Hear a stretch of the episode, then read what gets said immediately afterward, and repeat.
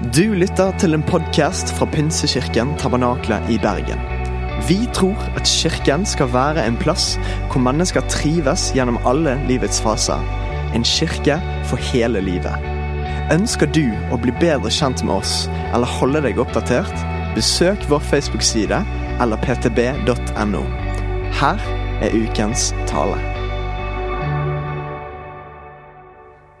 Det er veldig bra å eh, være på plass igjen i kveld. og eh, Det er liksom skikkelig maratonsøndag når man har to gudstjenester og man har full pakke ellers. og Så trodde jeg hadde glemt å slå av adventslysa hjemme i dag, så jeg måtte full fart etter en konsert jeg hadde vært i byen, hjem for å sjekke om de, vi hadde blåst mat til frokost ja, eller ikke. Det hadde vi heldigvis gjort. Eller så hadde vel huset brent ned, tenker jeg. Men eh, sånn var det. Så det har vært en litt sånn harry dag. Ikke harry-dag, men hurry-dag. Ja. Et eller annet. Men vi skal fortsette med jule... Holdt på å si kavalkaden vår. Eh, og I dag så har jeg lyst til å eh, fortelle om en person som du kanskje ikke leser om i selve juleevangeliet i Lukas, men som eh, har mye av grunnen til at Lukas er skrevet. Og det er jo sånn med Guds ord at det som du leser om som Jesus gjorde, det var det faktisk noen som hadde sett mange hundre år før det skjedde. Flere profeter i Bibelen, mennesker som hadde blitt kalt med en spesiell gave fra Gud til å kunne se inn i ting som skulle komme, se inn i framtiden. Og en av dem har jeg lyst til at vi skal følge litt i dag, og det er en profet som heter Jesaja. Det, når du leser i Bibelen i Gamle Testamentet, så vil du se at det fins en del som vi kaller for eh, store profeter eh, og små profeter. Det er ikke fordi at det var store av vekst eller små i størrelse, og sånne ting, men eh, det handler litt mer om hvor store bøkene er. Og Jesaja er en av de store bøkene, profetiske bøkene i Bibelen med flere kapitler. Over 50 kapitler som han har skrevet. Jesaja han er en interessant mann å følge. Eh, som sagt så ble han født flere hundre år før Jesus ble født. Han var jøde, akkurat som Jesus, og han var kalt til en livslang tjeneste som profet. Han hadde størstedelen av livet sitt en litt kjip oppgave. Og det var å fortelle folket, Israels folk, at de var på vei bort ifra Gud, bort ifra Han, og hadde egentlig veldig mye domsord. Og hvis dere gjør sånn, så kommer dere til å gå galt for dere. Og de gjorde det som eh, var imot Guds ord, og det gikk galt for dem. Både for dem og folka som på en måte kriga mot Israel den tida. Jesaja han eh, var ikke en vanlig mann på gata. kan du si. Han hadde opplevd Guds tilstedeværelse og makt på en helt spesiell måte. Allerede når han ble kalt til profet, så sier han at 'jeg er en mann med urene lepper, og jeg bor blant et folk med urene lepper'. Og En dag i tjeneste i tempelet så bare kommer hele Guds nærvær inn i det tempelet. Og Han får høre Guds stemme som kaller han til tjeneste. Og Han føler seg så skitten, han føler seg så dårlig. Og Han sier at 'jeg, hvem er jeg til å kunne gjøre dette?' Og Så får han til og med englebesøk der inne, og Gud sier at 'jeg skal rense deg, jeg skal bruke deg, og du skal bli en profet for meg'. Så han hadde opplevd sterke ting. Og i sin egen tid så fikk han, både han og folket eh, han levde blant og forkynte for, se mye av den første delen av det kallet som han opplevde, nemlig dom. Men han fikk også fortelle den store eh, fortellingen om frelseren som skulle komme. Den Gud hadde lovet. For det venta nemlig Israels folk på. Det venta jødene på at en dag så kommer det en Messias som kommer til å redde oss fra våre fiender. Det var det de venta. Men de hadde også et løfte fra Gud fra tidligere om at Gud hadde sagt at en dag skal det komme en frelser for verden. Og Det er fascinerende å lese Jesaja. For når han snakker om Jesus, så er det ikke som et vagt løfte fra Gud om noe som forhåpentligvis, ja muligens, kom til å skje en gang i framtiden. Tvert imot så forteller Jesaja på en sånn måte at du skulle tro at han sto og så fødselen. Skulle nesten tro han sto og så og var der når Maria får englebesøk. Skulle nesten tro han var der ved korset når Jesus blir korsfesta. Og vi skal se noen av disse profetiske ordene som Jesaja kom med, relatert til det som var den faktiske historien. Og du vil oppdage og se at det som skjedde, det skjedde fordi at alt som skjer, er etter Skriftene. Det står i 1. Korinterne 15, 3-4. Først og fremst overga jeg til dere det jeg selv har tatt imot. Det er det Paulus som skriver dette her. At Jesus Kristus døde for våre synder, som Skriftene har sagt. At han ble begravet, at han sto opp den tredje dag, som Skriftene har sagt. Vi ser her at det som var allerede fortalt, profetisk, som skulle skje, det var nettopp det som skjedde. Og Det er det vi skal se litt på. Hva er det Skriftene sier? Hva var det profetordet sa i forhold til også det som var forventningen? Og Jula er en fin tid å studere disse profetiske ordene. La oss se litt på profeten Jesaja, hva han sier om Jesus. Når det gjelder hans fødselsunder, så står det i Jesaja kapittel 7 og vers 14.: Derfor skal Herren selv gi dere et tegn. Se, en jomfru skal bli med barn. Hun skal føde en sønn og gi ham navnet Immanuel. En jomfru skal bli med barn. Det er en umulighet. En som aldri har vært sammen med noen seksuelt, kan heller ikke få barn. Det kreves to for at barn skal bli til. Men et av de tegnene som Gud ga beskjed om til Jesaja, var det er en jomfru som kommer til å bli med barn. Ei som aldri har hatt relasjoner med noen mann. Og det leser vi om etterpå i Lukas kapittel 1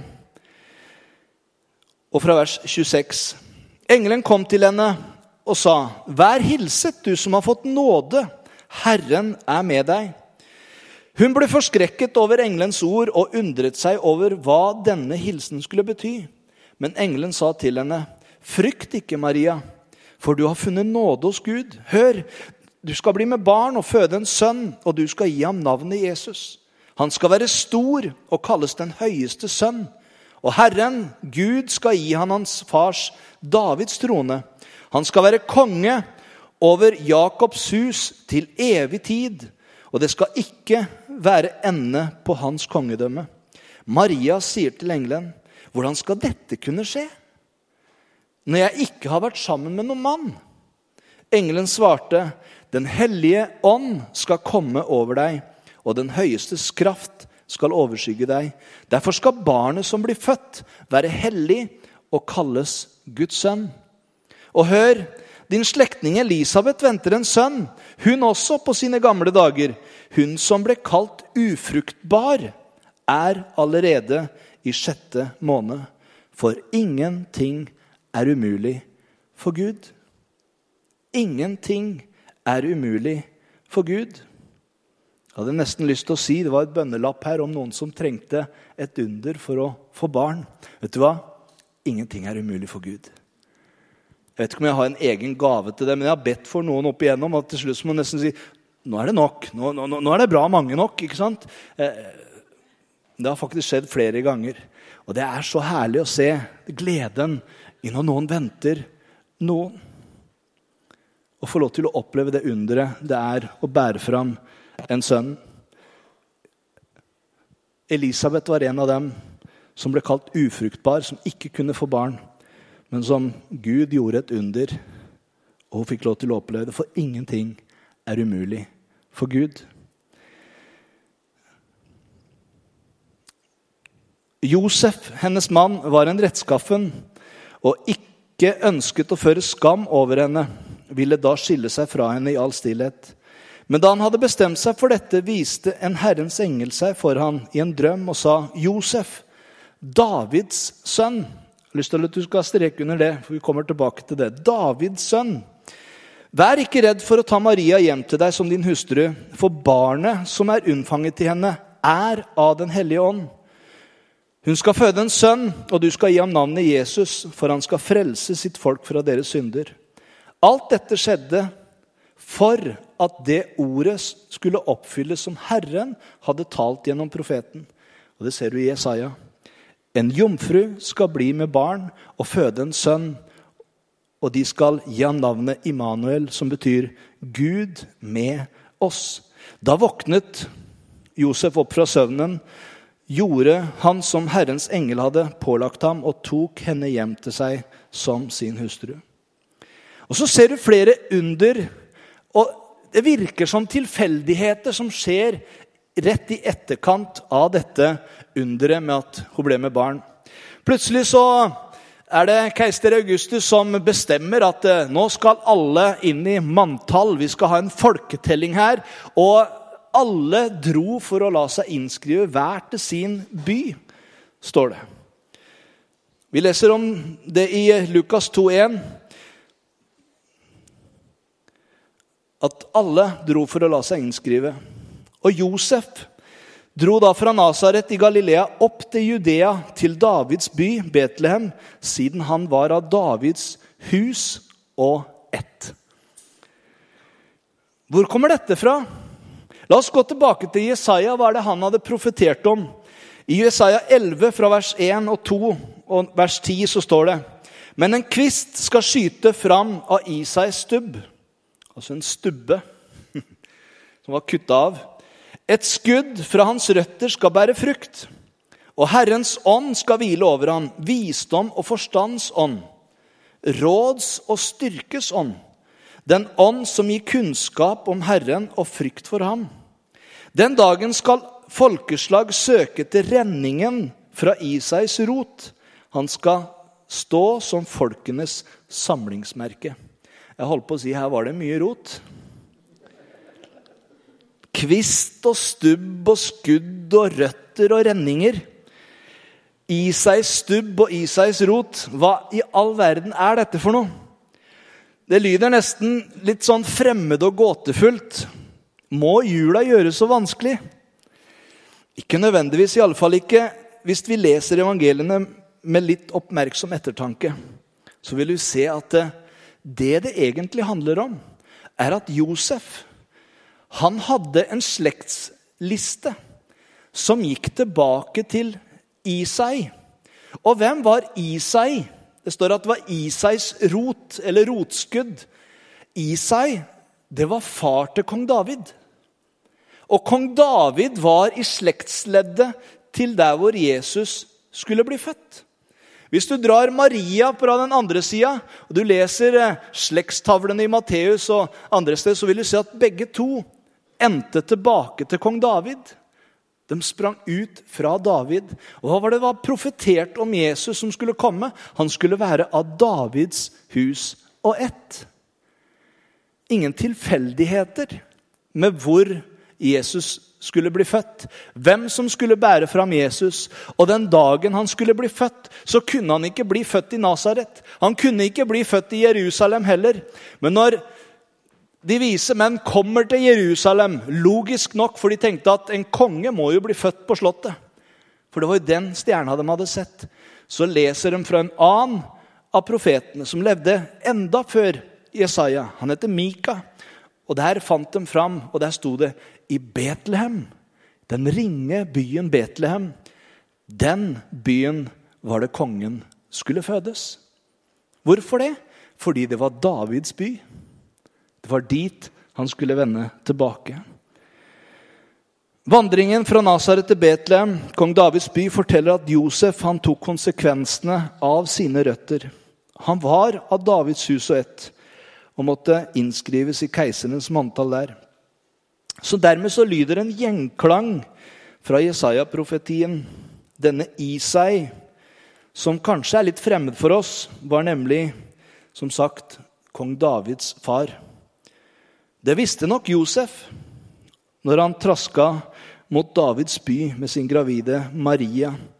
Så var det gamle Isais by som var nettopp målet. Når vi ser videre, så vil du se at Jesus han fikk mange navn. Og Jesaja skriver litt om det, om hvem Jesus kom til å være. Lenge før han var født, 700 år før han ble født, så var på en måte personligheten hans allerede satt. Hvem er han? Hva kommer han til å gjøre? Og En del av navnene til Jesus viser nemlig det. I Jesaja 9 og vers 6 så står det For et barn er oss født, en sønn er oss gitt, og herredømmet er på hans skulder. Og hans navn skal kalles Under, Rådgiver, Veldig Gud, Evig Far og Fredsfyrste. Sies at kjært barn har mange navn, og det har Jesus. Og han har mange flere enn dette. Han er også kalt for døren, han er kalt for lyset, han er kalt for veien, sannheten og livet. Og vi kunne finne mange forskjellige. Han ble kalt for morgenstjernen. Han har utrolig mange navn, men en del av disse navnene som Jesaja deler, er veldig spesielle i forhold til hans tjeneste. Første navnet står at han er underfull. Og han var underfull i sin fødsel. Hans liv var et under. Hans tjeneste var full av under. Hans død og hans oppstandelse var også under. Hans navn skulle være rådgiver. En rådgiver som forstår oss. En rådgiver er jo en som du kan komme til. En du kan søke råd hos, en du kan få hjelp hos. Og så maler Jesaja et bilde av Jesus som en rådgiver som bryr seg om oss. Og han er dyktig, og han er medfølende. Ikke noe problem er for stort for ham. Han er veldig Gud. Ingenting er for vanskelig for ham. Selv ikke vinden og bølgene kunne gjøre hva de ville når han sto i båten. Men han står opp og sier, 'Ti, og vær stille'. Når disiplene var livredde, 'Nå går vi under. Bryr du deg ikke?' Så står han opp i båten, og så blir det blikk stille. Han var en veldig gud. Selv døden kunne ikke holde han. Men Gud reiste han opp igjen den tredje dag, og så ble han den første å stå opp igjen som lever for alltid. En av de flotteste navnene syns jeg er den neste. Han er evig far. Evig far. Av og til litt vanskelig å snakke om eh, det å ha Gud som et farsbilde. Fordi i våre dager, i vår tid, så er det mange som ikke har et godt bilde av far. Kanskje du ikke har hatt en far. Kanskje du aldri har kjent din far. Eller kanskje du har hatt et dårlig forhold eller et dårlig bilde av far. Men jeg er så glad for at Bibelen han skal forklare hvordan vår Gud som far er. Så sier han at han er den rette far for alt som kalles barn. Han er en god far. Han er sånn som alle fedre skulle være. Full av omsorg, full av kjærlighet. Og Et av bildene nettopp som Jesus bruker i en av lignelsene, det er nettopp om en slik far når han skal forklare hvordan Gud er. Så forteller han historien i Lukas 15 om denne sønnen som gikk bort og rota vekk alt det han hadde eh, i et vilt liv. Og så kommer han tilbake. Det lukter svin av han, det lukter møkk og dritt som han hadde rota seg oppi. Og man kunne tenke at liksom, hvem tar imot en sånn en? Men hver dag så står far ute på tunet, og så venter han på denne sønnen. Tror man kommer hjem i dag? Og Når han endelig kommer hjem, så står det at denne faren han bare springer han i møte, kaster seg om halsen på ham, brydde seg ikke om hvordan han så ut eller hvordan han lukta. eller ingenting. Han kysser han hemningsløst og gir han nye klær, gir han ring på fingeren, sko på føttene og slakter den beste kalven, for nå skal de ha fest. For denne sønnen min han var borte, og nå har han kommet igjen. Og så sier han, sånn er Gud. Det er den type far han er.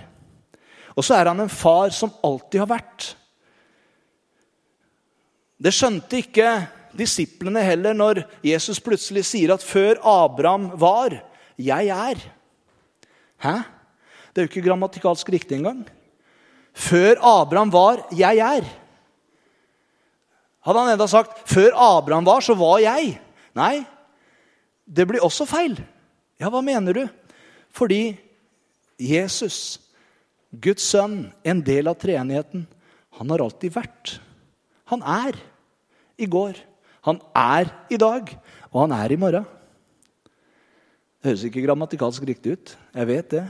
Men han er fra evighet og til evighet.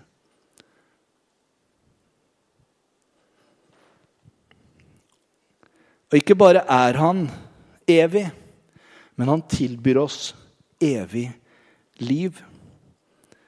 Johannes 5, 24 så står det sannelig, sannelig, jeg sier dere, den som hører mitt ord og tror på Han som har sendt meg, har evig liv.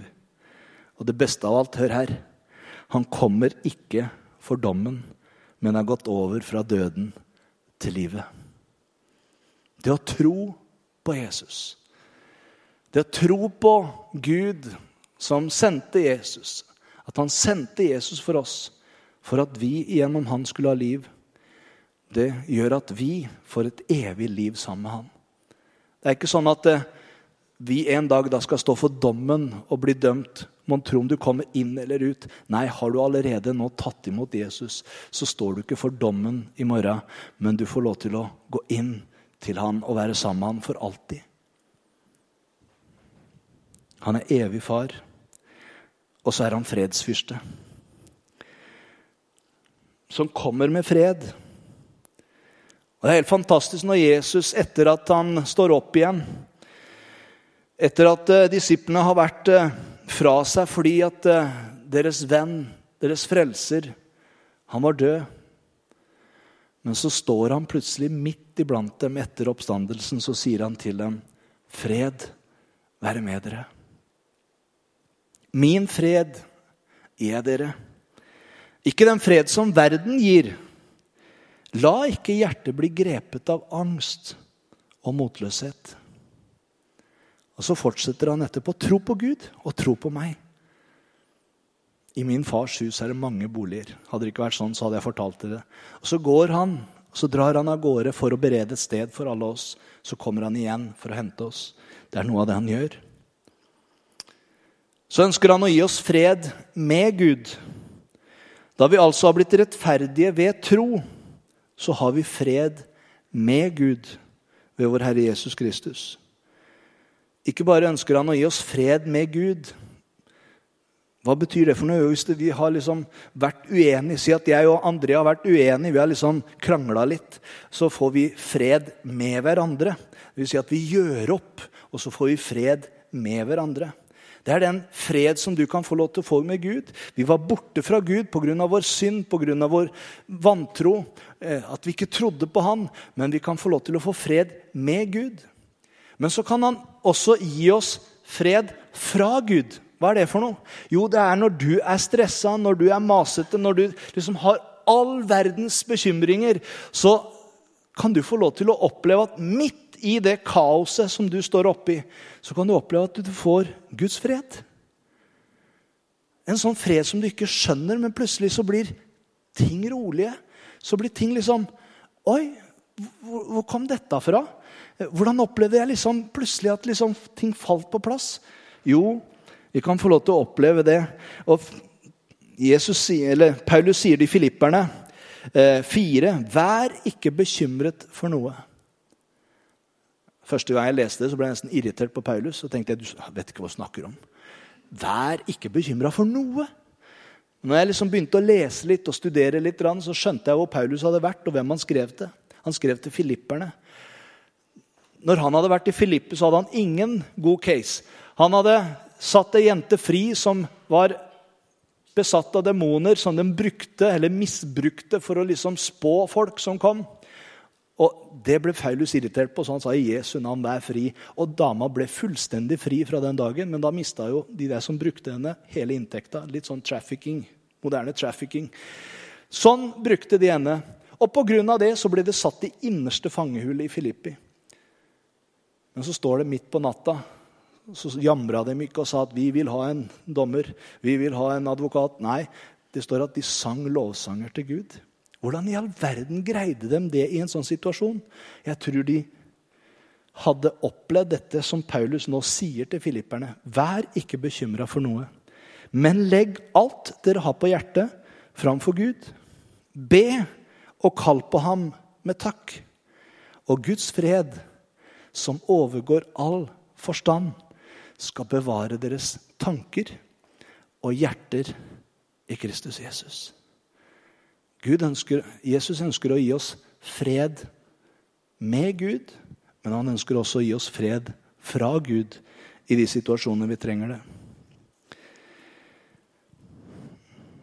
Vi skal eh, bruke litt tid etter talen i dag til å be for forskjellige situasjoner. Og vi skal komme inn på litt av det Jesaja sier om Jesus' lidelse og død. Men jeg har lyst til at du allerede nå skal forberede deg for at eh, hvis du har ting som du sliter med i livet ditt, som kanskje du opplever som en byrde Noen som skrev om magesmerter her, og kanskje du har andre ting som du sliter med av sykdom så ønsker vi å gjøre noe litt annerledes i kveld. Vi ønsker å be deg fram til forbønn her, hvor vi skal be med deg. Ledere fra gruppa her som er med og ber. Og vi skal også gjøre en handling som ikke vi alltid gjør, men vi hadde lyst til å gjøre det i dag. Eh, det å salve deg med olje. Det. Vi tar litt olje fra en oljeflaske, og så bare smører vi på panna di, og så ber vi over deg. Eh, og Hvorfor gjør vi det? Jo, for det er en av de tingene Bibelen snakker litt om. som man kan gjøre. På de syke skal de legge sine hender, skal salve dem med olje i mitt navn, og de skal bli friske. Eh, en annen måte man bruker olje på, det er når man skulle salve dem til en tjeneste. Så det er de to tingene her som vi av og til gjør i forhold til det å salve og be for. Så har du lyst til det, så kan du gjøre det i slutten av samlinga i dag. En av de tingene som fascinerer meg sterkest når det gjelder Jesajas profetier om Jesus, det er når du leser Jesaja 52, slutten av 52, hele kapittel 53 og begynnelsen av 54. Jeg har lyst til å lese noen av disse tingene her. Før det så bare leser jeg disse kjente versene som kanskje du har lært. Om du ikke har lært det, så kan du lære det. Eh, lær deg gjerne disse utenat.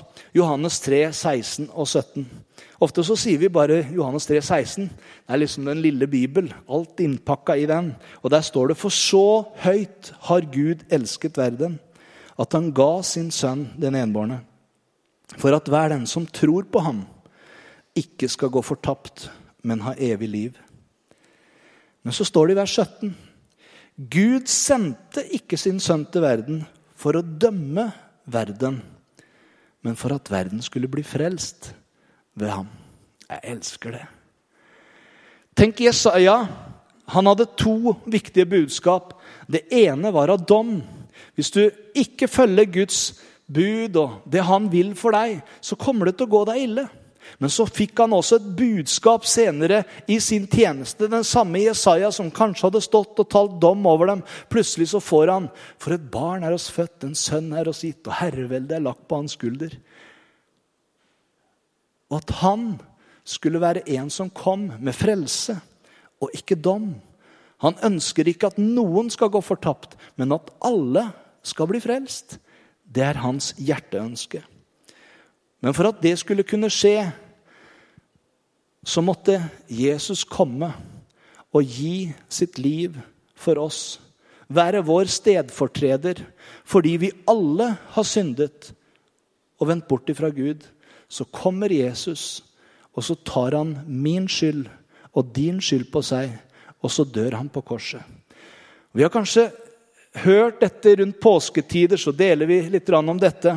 Men det som fascinerer meg, er når du leser Jesaja 53 og ser at Jesaja Det er akkurat som han står der ved Golgata og bare ser hele det som skjer, når du leser disse kapitlene og disse versene her. Hør etter. Se, min tjener skal ha framgang. Han skal stige, løftes og opphøyes. Liksom mange ble forferdet ved synet av ham. Han var, han var verre tilrett enn noen mann og så ikke ut som et menneske. Så skal mange folkeslag undres over ham, og konger skal lukke sin munn. For de skal få se slike ting som de aldri ble meldt dem. Uhørte ting blir de vitne til. Hvem trodde det budskapet vi hørte, og for hvem ble Herrens kraft åpenbart? Han skjøt opp som en kvist for Guds åsyn, som et rotskudd av tørr jord. Hadde han ingen herlig skikkelse. Vi gledet oss ikke ved synet av ham. Han var ringaktet forlatt av mennesker, en smertens mann, vel kjent med sykdom. En foraktet mann som ingen ville se på. Vi regnet han ikke for noe, men sannelig, våre sykdommer tok han på seg. Og våre smerter bar han. Vi trodde han var blitt rammet, slått av Gud og plaget, men han ble såret for våre overtredelser og knust for våre misgjerninger. Straffen lå på ham for at vi skulle ha fred. Og ved hans sår har vi fått legedom. Og så sier han videre.: Vi for alle vill som sauer. Vi vendte oss hver sin vei. Men skylden som vi alle hadde, lot Herren ramme han. Han ble mishandlet, men, han, men bar det ydmykt. Han åpnet ikke sin munn. Lik lammet som føres bort for å slaktes, lik sauen som tier når det klippes. Han åpnet ikke sin munn. Gjennom trengsler og dom ble han revet bort. Men hvem i hans samtid aktet på det? Han ble utryddet av de levendes land, måtte dø for sitt folks overtredelse. De ga han en grav blant ugudelige. Hos en rik mann var han da han var død, enda han ikke hadde gjort noe urett, og det ikke fantes svik i hans munn. Det var Herrens vilje å knuse ham med sykdom, men fordi han ga sitt liv til soning, skal han få etterkommere og leve lenge. Og ved ham skal Herrens vilje ha fremgang. Etter all sin møye og sjelenød skal han se lys og mettes. Min rettferdige tjene skal gjøre de mange rettferdige når de kjenner ham, for han har båret deres synder. Derfor overgir jeg de mange til ham. De mektige skal han få i bytte, fordi han ga sitt liv i døden og ble regnet blant overtredere. Han tok på seg de manges synd og gikk i forbønn for syndere. Det er helt fantastisk å lese dette og tenke dette så Jesaja 700 år før Jesus gir sitt liv for oss. Gud hadde allerede åpenbart for Jesaja hva som kom til å skje. At Jesus kom til å komme. Husk på, dette var før hans fødsel, før han hadde kommet. Han åpenbarte ved profetisk hilsen fra Gud hvordan fødselen kom til å være. Hvordan oppveksten hans kom til å være. Hvordan han kom til å dø og gi sitt liv for at vi ved han skulle få fred og bli frelst. Og så avslutter han ved å fortelle om et rike som skal komme. Et fantastisk rike. Etter at Jesus har fart opp til himmelen, og vi har fått også komme dit, så snakker Bibelen om et fredsrike som kommer på jorden. Jeg skal ikke bruke mye tid til det nå, men hans herredømme kommer til å bringe fred på jorda. Jesaja 9,7 står det herredømmet skal bre seg vidt og freden være uten ende over Davids trone og hans kongerike. For å grunnfeste det og holde det oppe med rett og rettferdighet fra nå av og til evig tid. Jeg kunne bruke tid videre til å fortelle hvordan dette riket kommer til å bli. Du kan gjerne lese det i eh, Jesaja kapittel 11 og kapittel 35. Men det står om de fattige som kommer til å få rettferdighet. Han skal dømme småkorsfolk med rettferd og lar vergeløse i landet få rett dom. Han snakker om en tid der hvor eh, dyrene imellom kommer til å ha det bra. Hvor ulv kommer til å bo sammen med lammet og leoparden, sammen med kje osv. En helt annerledes tid. Det vil ikke være lenger fare for dyr og mennesker sammen. Volden kommer til å bli tilintetgjort på jorden. Og jorda skal igjen bli produktiv. Og det kommer til å være stor glede som kjennetegner dette riket. De som Herren har løst ut, vender nå tilbake, og de kommer til Sion med jubel, med evig glede om sin panne. Fryd og glede skal møte dem. Sorg og sukk må rømme. Dette er ting som vi ennå ikke har opplevd, men som den samme Jesaja har profetert om kommer til å komme. Det gir oss et innblikk også i det vi venter, som vi ennå ikke ser. Men de tingene som han har talt om før, har allerede skjedd. Og Det er interessant å følge det profetiske bildet som du ser i Det gamle testamentet, og se at det er oppfylt i Det nye testamentet. Og så er det fortsatt en del ting som tales om som vi ennå ikke har opplevd, men som også gir tro på at har Gud talt, og det har skjedd?